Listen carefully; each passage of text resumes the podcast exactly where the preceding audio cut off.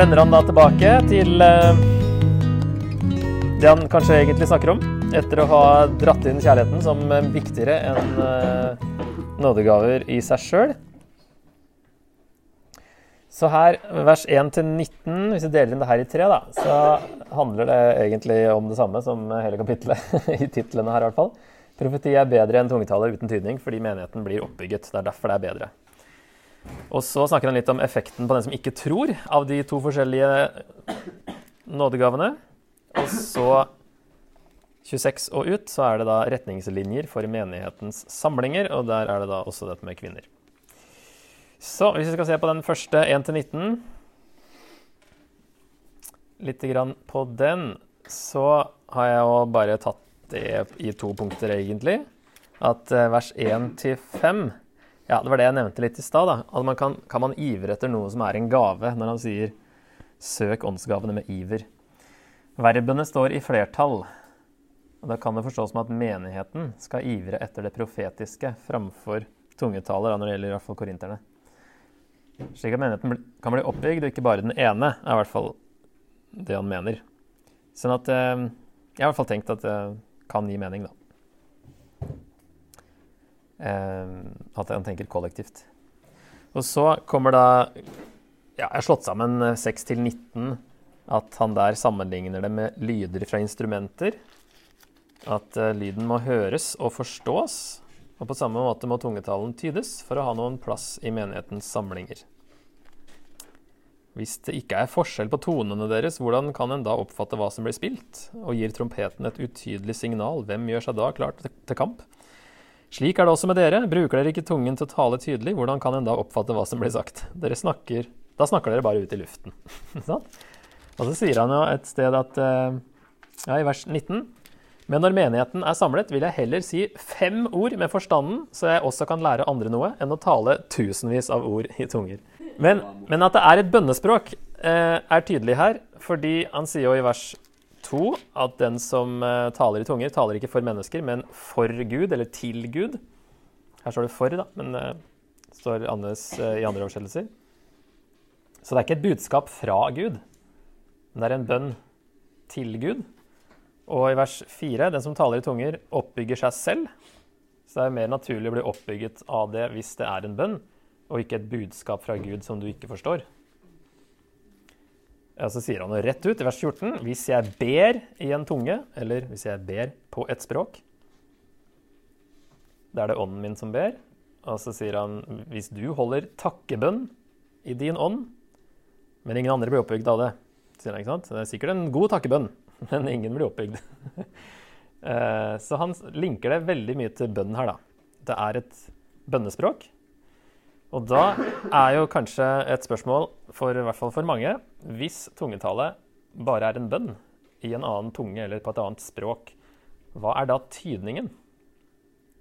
Hvis det ikke er et budskap, som ofte man får inntrykk av, det er et budskap som oversettes, så er det som er poenget, bare å involvere to stykk i dette budskapet her. Eller hvorfor skal det være det og så det? Eh, ordet som brukes, kan du ta med det greske, da. Di ermenevo. Og da har du hermeneutikk inni der, som dere ser, kanskje. Hermenevo.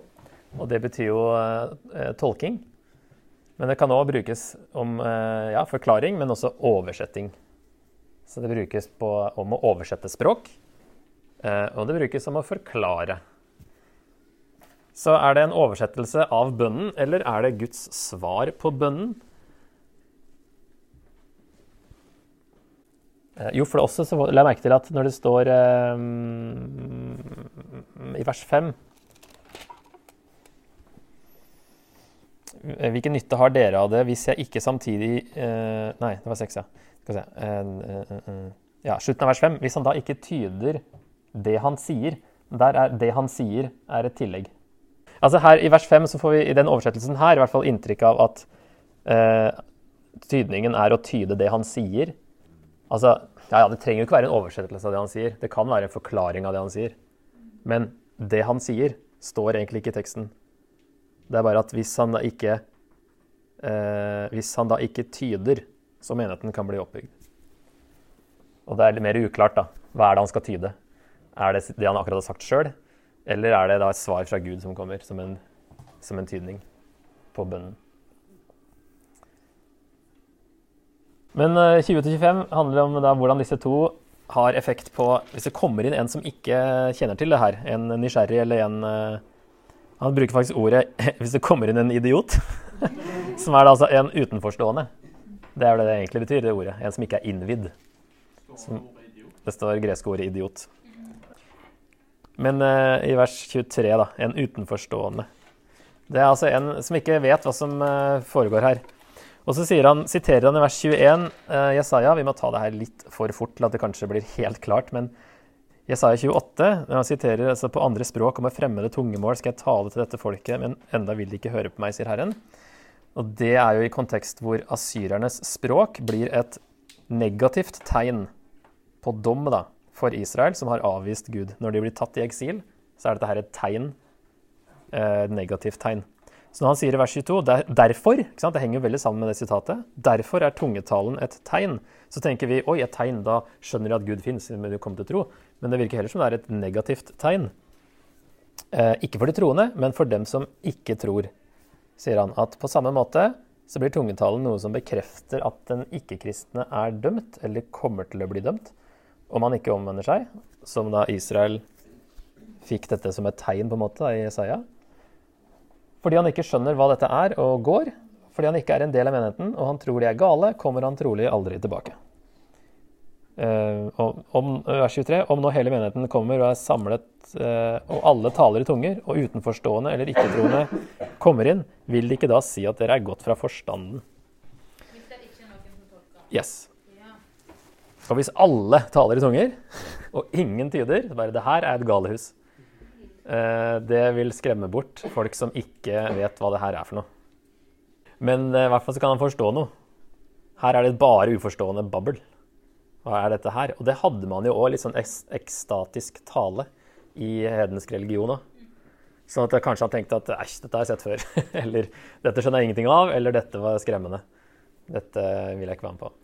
Profeti, da har derimot en dobbel funksjon. Den oppbygger menigheten og kan få besøkende til å komme til tro. Fordi det er forståelig tale. Det er det han bare snakker om hele tida. Det må være forståelig, sånn at det kan oppbygge. Det blir ikke oppbygd hvis ikke du forstår. Så han har ikke noe særlig tro på at det blir sånn underbevisst oppbygd av tungetale eller åndelige ting. Det er eh, det som er eh, forståelig. Det er det som bygger opp. Poenget, og en tidlig sannhet, tenker jeg, er at tungetale uten tydning skal ikke brukes i menigheten. Det er uforståelig for menigheten og skremmer bort de nysgjerrige. Profetisk tale er derimot nyttig for alle som hører på. Det er jo ganske klart, egentlig, at det er det han snakker om hele veien. Men den har oppsummert det likevel, da. Den profetiske tale er ikke for dem som ikke tror, men for de troende. Ja. Men det er fortsatt nyttig for dem fordi de skjønner hva som blir sagt. Og så står det jo i vers 24 men hvis alle taler profetisk når en av disse kommer inn, da vil han kjenne seg avslørt og dømt av alle. Hans innerste tanker kommer for dagen. Han vil kaste seg ned med ansiktet mot jorden, tilbe Gud og bekjenne Gud er sannelig blant dere. På en eller annen måte så er det mer overbevisende om at Gud fins, enn at oi, så mange De taler masse i tunger, alle sammen. Dette må være Gud. Paulus er liksom helt motsatt.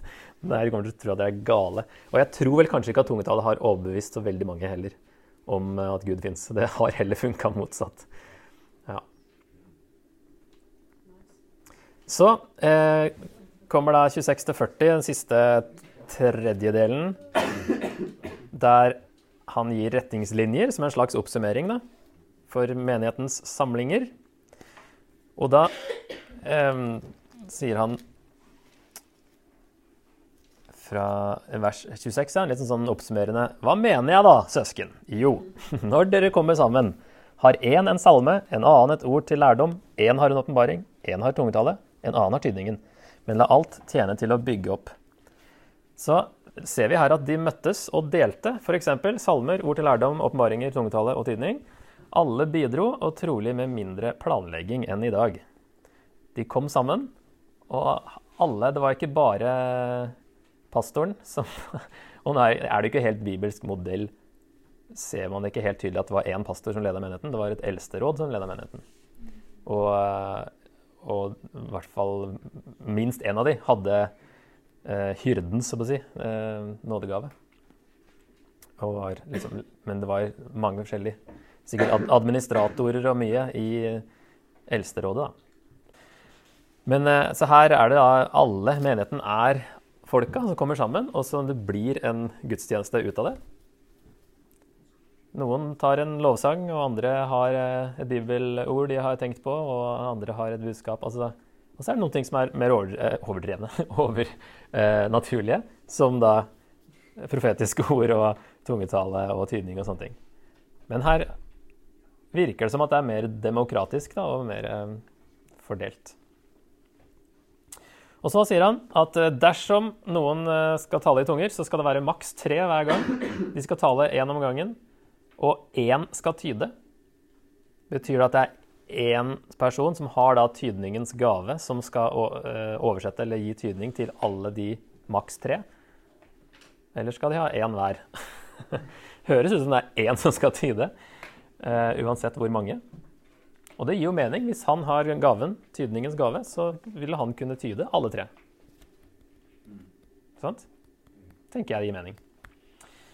Den som taler i tunger, har ansvaret for at det blir tydet. Det er liksom ikke bare gå opp og slenge det ut, og så sette seg ned og vente på tydningen, egentlig. Og Paulus sier at uh, hvis, uh, hvis det ikke er noen til å tyde, skal dere som taler i tunger, tie når menigheten samles. Så ettersom ingen ville få noe ut av det. I en husmenighet som i Korint ville man kanskje ha oversikt over hverandres gaver. Og nå var man jo mye mer trofast til å møte opp på søndag eh, den gangen enn det vi er. Så det var ikke sånn at Oi, han med tydningen er ikke her i dag. Da sitter han i fengsel eller er dødssjuk, liksom. Det er noe, noe, helt annet. Det var ikke at han ikke gadd eller skulle noe annet. Eller var på hytta. Så, så da kjente man nok til da, hvem som hadde den gaven. og, og hvis ingen har den gaven, så skal ikke tungetalen brukes på den måten. Jeg syns han drar litt ned på jorda, på en måte, enn at det blir sånn satse på at dette går bra. Kom med et budskap og ser hva som skjer. Og så er det profetisk. altså Maks tre der òg. Skal tale profetisk. Én om gangen. Og hvis en annen får en åpenbaring, skal den første tie. Sånn, de skal ikke snakke i munnen på hverandre. Og hvis en annen begynner med et budskap, da er det første ok, da er du ferdig. For nå snakker Gud gjennom han i stedet. det, er, det, skal være orden, da, som man sier her i La alt gå sømmelig for seg, i vers 40, og i vers 33 Gud vil ikke uorden, men fred. Eh, så Derfor kan profetene kontrollere talen sin, fordi Gud ikke vil ha kaos. De andre skal prøve det de sier, sier han i vers 29. Og så kommer dette med kvinnene. Kvinnene skal tie, ikke tale, for det er en skam. De skal underordne seg. Hvis det er noe de vil lære, la dem spørre sine menn hjemme. Det skal vi ta straks, etter litt om profetisk gave og prøving. Et uh, sitat her. så jeg har ikke sett mye, sånn, eller sånn, En definisjon av profeti har jeg ikke kommet over så mye. Men her er det en uh, som har uh, skrevet hans definisjon, som mange bruker. Profeti, som en gave fra Den hellige ånd, kombinerer pastoral innsikt i behovene til personer, samfunn og situasjoner, med evnen til å adressere disse med en gudgitt ytring eller lengre budskap. Enten det er uoppfordret eller forberedt med dømmekraft, beslutning og rasjonell refleksjon. Så det er ikke bare overnaturlig. Sant? Her er det liksom begge deler i den definisjonen. Som fører til utfordring, dom eller trøst, men som til slutt bygger opp adressatene. Mens taleren tror at slike ytringer eller budskap kommer fra Den hellige ånd, kan feil gjøres, og siden troende, inkludert prester eller profeter, forblir menneskelig feilbarlig, må påstander om profetier veies og testes.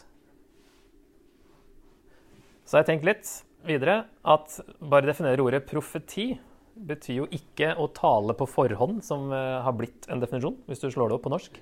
En som kan forutsi framtida. Men det betyr gresk da, betyr det å tale foran noen, og da tale på vegne av noen. Og her er det jo å tale, tale på vegne av Gud. En talsmann, egentlig, for Gud.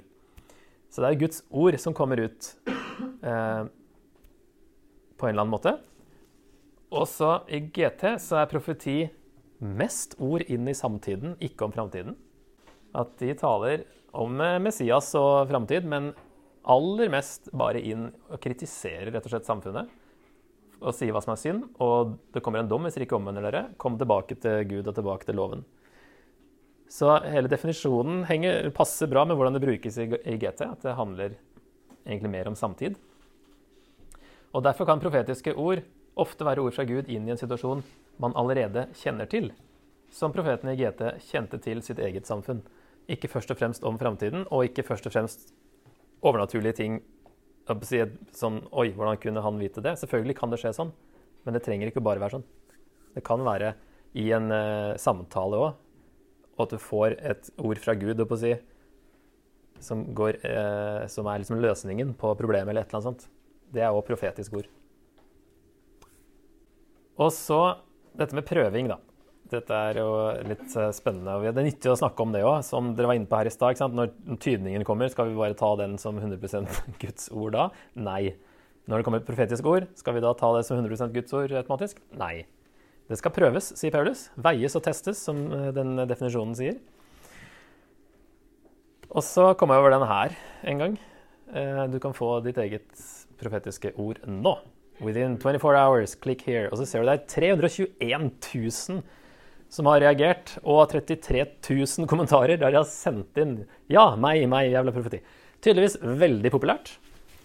Um, og det jeg tror den der økte bare på timer etter jeg hadde tatt det bildet òg. det var i fjor. Jeg har ikke funnet den igjen nå, men, men det er en sånn greie, da. Uh, I hvert fall på Instagram, eller hvor dette er. Facebook. Interessant at et gammelt gammelt eh, kristen skrift som heter 'Hyrden av Hermas', fra ca. 140 etter Kristus, gir to kjennetegn på en falsk profet. Det er en som trekker oppmerksomheten mot seg selv, og ikke mot Jesus. Og en som profeterer på bestilling, utenfor menighetssammenhengen. Jeg tror denne her faller litt i den kategorien. I hvert fall nummer to. Og Da sier dette skriftet her at Den hellige ånd taler ikke når et menneske vil han skal tale. Nei, han taler bare når Gud vil han skal gjøre det.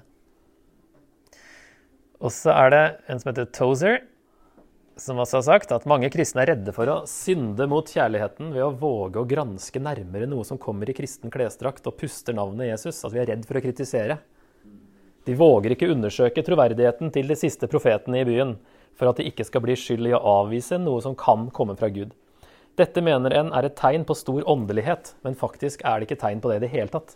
Det kan like gjerne være et tegn på Den hellige ånds fravær.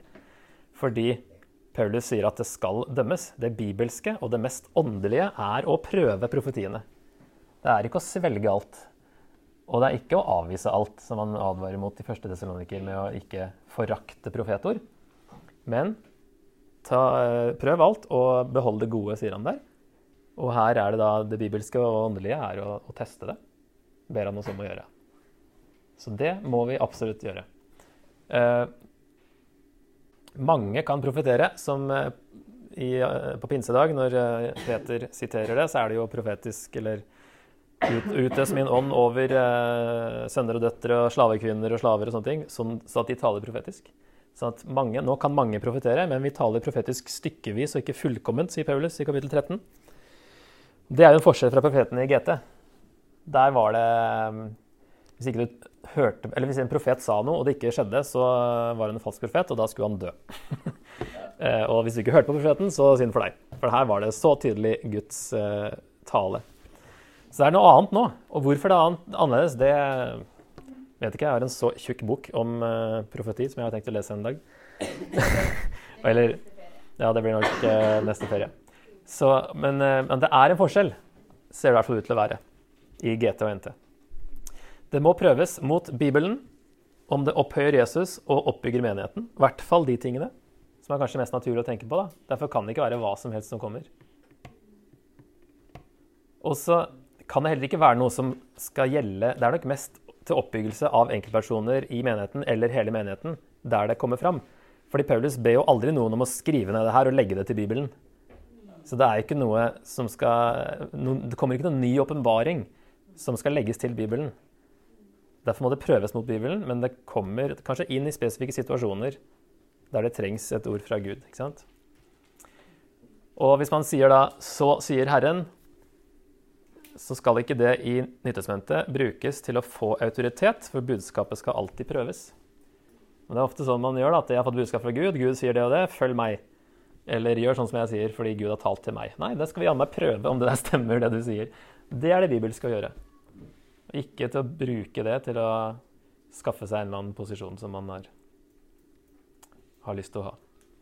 Vi har bare noen få minutter til å se på dette her. Som i alle de helliges menigheter skal kvinnene tie når menigheten samles. Det er ikke tillatt for dem å tale, de skal underordne seg, slik også loven sier. Hvis det er noe de vil lære, så la dem spørre sine menn hjemme, for det er en skam for en kvinne å tale i menigheten. Var det kanskje fra dere Guds ord gikk ut? Er det bare til dere ordet er kommet? Hvis noen mener seg å være profet eller ha åndsgaver, så skal han vite at det jeg skriver, er et Herrens bud. Den som ikke godtar dette, blir selv ikke godtatt. Det er kraftig, kraftig tekst. Ja. Her, først er det noen spørsmål som gjør dette vanskelig. Det er første om vers 33b, altså slutten på vers 33, hører til dette avsnittet eller det forrige. Det kan du se forskjellig i oversettelser, fordi man har ikke punktum og storbokstav og sånt på gresk. Og det, dette avsnittet glir lettere i konteksten kanskje hvis det ikke åpner som om nå er det til noe helt annet. Nå er det om kvinner. Når han egentlig snakker om tungetall og profeti. Ikke sant? Og eh, det er flere grunner til å tenke at, eh, at det hører til det forrige. Eh, trenger ikke å ta de, men det er, det er, gode grunner både fra at han vanligvis kommer med en sånn type ting, et sånt sitat, eh, etter han har snakka om en ting, og ikke før han snakker om en ting, som han har gjort tidligere i brevet. Kapittel 4 og 7 og 11, i hvert fall. og så er det noe med de greske manuskriptene og sånne ting, der du kan se at det her er ikke alltid blitt tatt som at det hører til dette avsnittet, men at det er en avslutning på forrige. Hva mener han med å tie når de har lov til å be og profetere i kapittel 11? Det er jo kanskje det første spørsmålet. Hva slags tiing er det snakk om, når de kan jo tydeligvis si noe i kapittel 11? Hvem skal de underordne seg? Er det under mennene sine eller under prinsippet om orden? Han sier ikke hvem det er, og man, vi tolker kanskje litt for fort at det er under mennene sine. Nei, det står ikke under mennene her. De skal underordne seg som loven sier. Og hva mener han med loven? Er det forskjellige forslag her. Første Mosebok 3,16 om at uh, din, eh, ditt Hva står det? Your desire shall be for your husband. Du skal begjære din mann, men han skal råde over deg. Så tar man det som en sånn 'sånn skal det være', istedenfor at det kan være 'sånn kommer det til å bli' pga. synd. At mannen kommer til å misbruke at han er sterkere og har mer kultur, posisjon i kulturen. Eh, eller er det det han har brukt i kapittel 11, med at eh, mannen ble skapt først, og så Eva? Er det det som er loven, og da er det underordning? Eller er det et vers i jobb?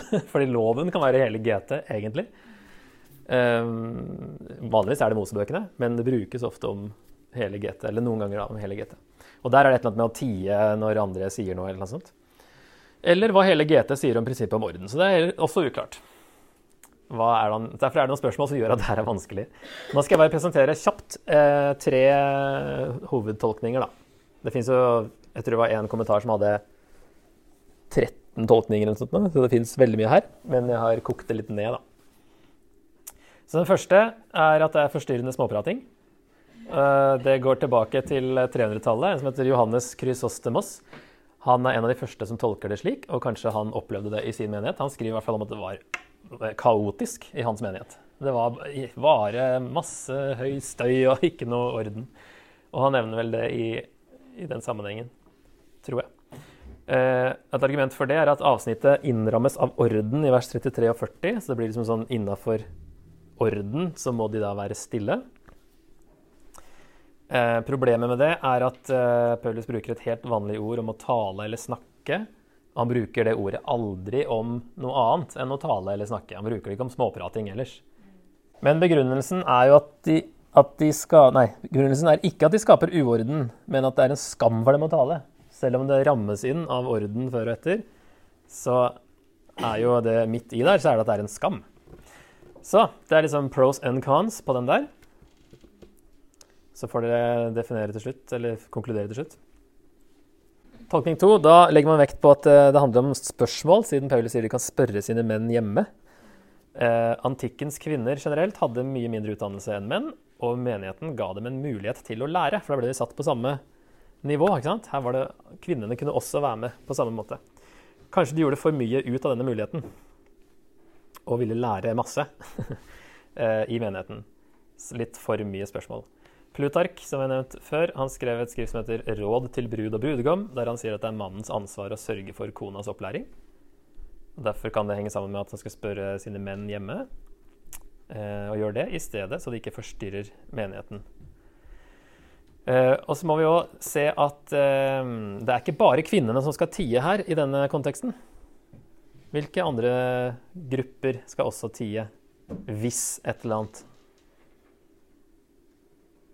Rett før snakker han om hvis noen taler i tunger, og hvis noen profeterer, så skal de også tie hvis de ikke er nødt til å tyde, eller hvis en annen profet reiser seg og har et budskap. Så det er ikke bare kvinner her, det er flere som skal tie pga. orden. Og det er en betinget taushet for alle tre. Det er et hvis i alle disse tre gruppene. Så det gjelder ikke generelt, det gjelder hvis et eller annet. Da skal dere tie. Og det gjelder ikke bare kvinnene. Anvendelse av det blir at det er ganske irrelevant, ettersom dagens vestlige kvinner har minst like mye utdanning som menn. Og at det da ikke, det da ikke er småprating det går på, som er mer på, på, orden der, da. Men at det handler om at de spør mennene sine om det de ikke forstår, det vil jo da være veldig kulturelt og tidfesta den gangen. Eh, tredje er at det går på prøving av profetier, siden det er det som er eh, Altså, konteksten i kapittel 14 er profeti og tungetale. Nærkonteksten er bruk av profetisk gave i menigheten. Nevner det i vers 32 og i vers 39. Så han snakker jo egentlig om profetisk gave. Det gir veldig mening. Ja, så er det derfor, mine søsken, vær ivrige til å tale profetisk, og hindre ikke tungetale, men la alt gå sømmelig og ordentlig for seg. Det er jo det han snakker om, egentlig. sant? Så det kan ha noe å gjøre med prøvingen av profetiske budskap, det her, da tenker man. Og Da er det to versjoner av den tredje her. Den ene er at en kone skulle ikke prøve sin egen manns profetiske budskap og stille kanskje irrelevante spørsmål. Hun skal underordne seg mannen sin og ikke føre skam over ham på den måten. Da tenker man underordning til mannen. Eller at kvinnene stilte spørsmål mens profetiske budskap ble lagt fram. De ønsket å lære, men det virket forstyrrende. De skal derfor tie og underordne seg prinsippet om orden. Så jeg syns eh, begge disse her gir, eh, er veldig interessante. Men det vil jo si, hvis vi bare går raskt tilbake til denne her, at 1, 2, 3, 4 vil jo da kunne tolkes som at det her er tre. At kvinnene hører med under profetisk-biten. Og at han da egentlig bare snakker om generelt, når det kommer sammen, så er det sånn og sånn. Tungetale profetisk. Istedenfor at plutselig kvinnene blir et ekstrapunkt som man ikke har nevnt før. Context is king, sier man. Uh, og det er i hvert fall veldig interessant å ta med ta zoome litt ut og se på hva han egentlig holder på med her. Noen uh, tidløse sannheter da, som jeg har i hvert fall her veldig kjapt, at nådegavene brukes riktig når de bygger opp menigheten. Nådegaver skal brukes i menigheten. Kjærlighet er bedre enn alle nådegaver, men det er ikke vi som definerer kjærlighet. Tungetale uten tydning skal foregå hjemme og ikke i menigheten. Det er ikke bare å overføre budet om å tie i forsamlingen direkte. Det skal være orden når menigheten kommer sammen. Og så klikker jeg fram de siste tingene her. Paulus forventer at nådegavene skal brukes i menigheten, men trenger det bety alle nådegavene i alle menigheter? Og vet du hva din er? Hva kan vi ta med oss av retningslinjene Paulus gir, oss, gir for hvordan ting skal foregå når vi samles som menighet? Og Paulus sier flere ganger at vi skal søke profetisk gave. Tre ganger her, i hvert fall To tydelige og én eh, indirekte. Og ikke forakte profetord i 1. Tess 5.20. Hvordan forholder du deg til det? Er man i en grøft og veldig sånn, sluker alt, eller avviser alt? Eller kan man finne en uh, litt sånn sunn middelvei her, der man dømmer, som Bibelen sier, og ikke avfeier alt? Holde fast på det gode.